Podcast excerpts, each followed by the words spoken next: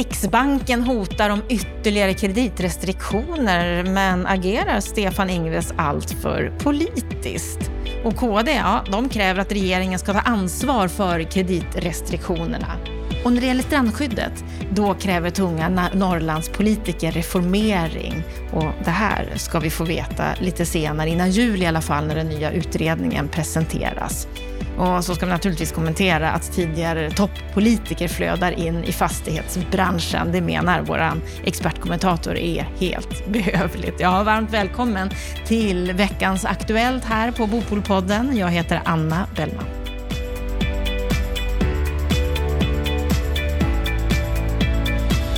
Ja, det har hänt en del under veckan och vad som är värt att nämna är ju att Riksbanken har kommit med sin nya finansiella stabilitetsrapport där de verkligen hotar om nya kreditrestriktioner. Vad är det här, Stefan Attefall? Ja, det är ju deras eh, traditionsenliga rapport som har kommit nu va? och det är ju lite grann samma musik som tidigare kan man säga. Men eh, det är ju klart att dels så konstaterar de ju att läget är relativt bra med tanke på pandemin och eh, då hyllar de finanspolitiska stimulansåtgärderna men också självklart de penningpolitiska stimulansåtgärder som har vidtagits. Och så konstaterar de ibland att, att, eh, att eh, hyresintäkterna har minskat för fastighetsbeståndet men inga större vakanser. Och då menar de ju, fast det här är ett exempel också på deras problem tycker jag. De menar egentligen kommersiella lokaler som haft typ hotell och den typen av kommersiella lokaler och, och, och affärslokaler. Men de har ju haft viss nedgång i hyresintäkter och kanske till och med någon enstaka vakans. Medan bostadsbeståndet har ju gått helt smärtfri genom den här pandemin. Eh, och, och, det här är ett problemet. Ibland så blandar de ihop hela fastighetssektorn och ibland så särskiljer de här från varandra. Men eh, de eh, ger ju sådana här rapporter och de är ju oroliga och de varnar och ibland så får man en känsla av att eh, de varnar, liksom ropar på vargen nästan för mycket därför att vargen kommer ju aldrig. Det är deras uppgift i sig, att vara den här lite grindvakten. Så det ska man hålla dem en eloge för. Men det, ibland blir det liksom övertoner. Och jag brukar ibland skämtsamt jämföra med min svärfar som, som ju inte längre finns i livet. Men han var en sån här person som han tecknade försäkringar hela tiden. Så när han gick och köpte en semesterresa så betalade han eh, en försäkring för att han skulle bli sjuk mot detta. Och så betalade han med kreditkortet som hade försäkring. Och så gick han hem och upptäckte att han hade ju faktiskt en hemförsäkring som också täckte alla de här sakerna. Alltså det blir försäkring på försäkring. Och lite grann så funkar faktiskt också tycker jag Riksbanken och även Finansinspektionen. Eh, det som är, är intressant är också när de tittar på finansiell stabilitet är att samtidigt gjorde då Finansinspektionen stresstest och de konstaterar också att ja, bankerna är, mår ganska bra i Sverige. Och så tar de då ett scenario och säger de att ja, men om det händer någonting då? Jo, då kan det bli kreditförluster på 50 miljarder, 6 procent av utlåningen. Vid en kris, en långt utdragen kris där BNP faller med 10 procentenheter och det blir 3 procents höjd ränta samtidigt. Och då vet ju alla att om BNP går ner och det blir lågkonjunktur, då sjunker räntan. Det var ju bara under krisen på 90-talet när vi både fick fallande BNP och höjd ränta därför att vi försvarade fast växelkurs. Det har vi inte i Sverige idag. Alltså, det blir så att man, man plockar fram scenarier ungefär som är så extrema och så, så målar man upp detta som nära stående hot. Men är det här ett sätt att de vill skapa trygghet i samhället? De vill få oss att känna att ja, men de har koll på läget. Varför gör de så här? Jo, alltså, det, dels är deras uppgift att vara de här som varnar. Och det, det tycker jag är rätt och riktigt.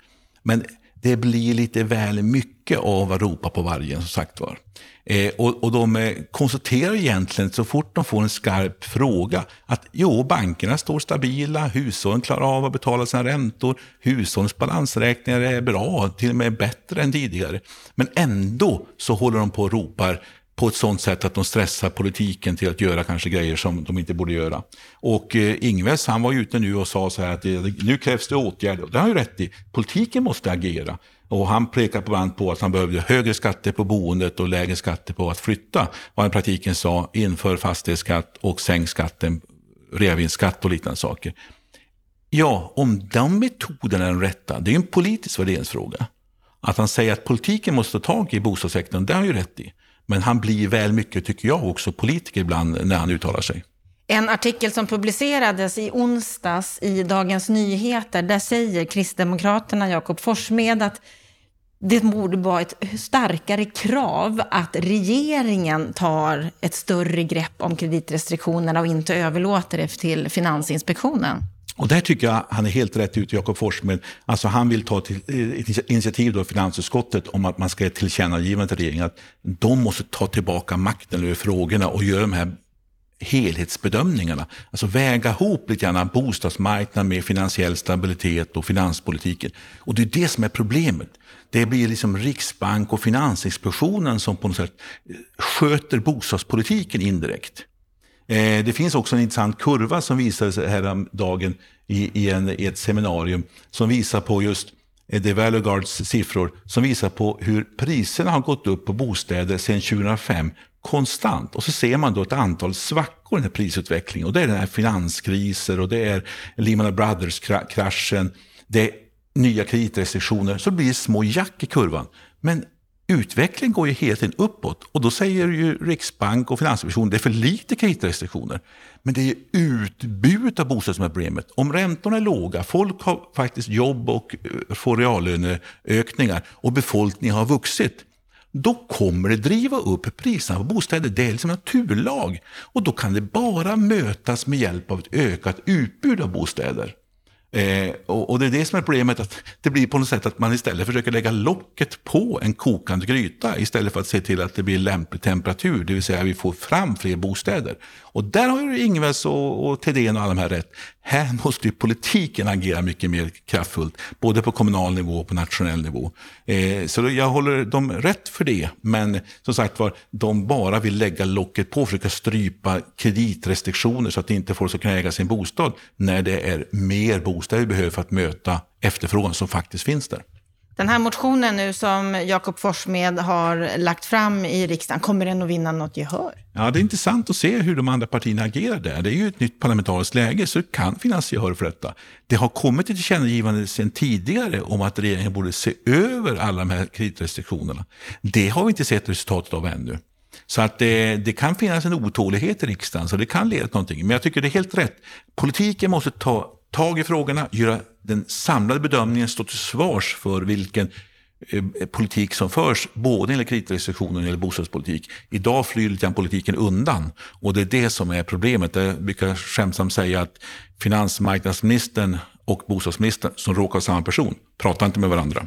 Det har du sagt många gånger och det är flera som håller med dig om det. Och med tanke på det läge vi har just nu, vi har fått en ny våg av corona, vi har osäkerhet internationellt vad som händer. Kommer politiken att överhuvudtaget ta upp det här nu? Finns det utrymme för det med tanke på alla krissituationer som vi har? Nej, det är väl det som är problemet. Alltså, och jag tror att eh, all politisk energi på bostadsområdet går ju också nu till det här med nyproduktionshyran som ska vara friare och de här utredningarna. Alltså det, det, eh, man orkar inte med fler frågor. Men det som är det stora problemet det är väl att ing, partierna, framförallt de stora partierna, Moderaterna och Socialdemokraterna, tar inte tag i det här på ett övergripande plan och ha en riktig tanke på vad vill vi? Hur vill vi väga av mellan kreditrestriktioner, ökat utbud, folk ska kunna äga sin bostad och allt sånt där. Istället blir det bara investeringsbidrag och så blir det en, en, att leva upp till januariavtalet som då tvingas fram i en politisk uppgörelse. Men det är inget helhetsgrepp kring bostadsmarknaden och det är det vi skulle behöva mer av. En annan politisk fråga, en ny utredning som ska vara klar för jul, det är frågan om strandskyddet. Ja, det är en spännande utredning faktiskt som också är en del av januariavtalet och det ska klart för, eh, sagt före årsskiftet. Katarina Håkansson Boman, en tidigare statssekreterare, centerpartist, har fått uppdrag att utreda strandskyddet. Och nu kom en debattartikel i Dagens Samhälle från ett eh, helt gäng med eh, tunga socialdemokratiska, moderata och centerpartistiska region och kommunpolitiker från norra Sverige som säger att nu krävs det att det blir radikal översyn av regelverket. Och eh, det tycker jag är ett eh, krav som är berättigat. Men det är också intressant att det är socialdemokrater i hög grad som skriver det, för Socialdemokraterna är ett nyckelparti här. Vi vet att Vänsterpartiet, Miljöpartiet och även Liberalerna i många stycken är motståndare till att reformera strandskyddet. Medan C och S har varit lite, så här, lite mittemellan och lite både och och sådana saker. Men eh, nu finns det en chans om det kommer fram ett bra utredningsmaterial för de här partierna att ta tag i frågan. För att de får stöd i riksdagen av moderater och kristdemokrater och SD som jag uppfattar det. Eh, så att det är intressant att det är många tunga socialdemokrater från norra Sverige som faktiskt kräver nu radikal förändring av strandskyddsbestämmelserna. Det är kanske den viktigaste reformen också ute i landsbygden. För jag menar, vad har du för tillgångar där? Jo, du har tillgång kanske till vackra lägen vid, vid stränder, gles, glest bebyggda områden. Och det, det är en död hand över de områdena. Eh, så det är någonting som glesbygd och småkommuner verkligen skulle behöva så är det lättare strandskydd. Men självklart också i många andra områden. Men man ska vara restriktiva där det är hög exploatering men mycket mer liberal när det gäller eh, övriga Sverige. Och det problemet är att det är lika fyrkantigt över hela Sverige just nu. Ja, ny utredning som ska vara klar före jul. Vi får se vad den visar då.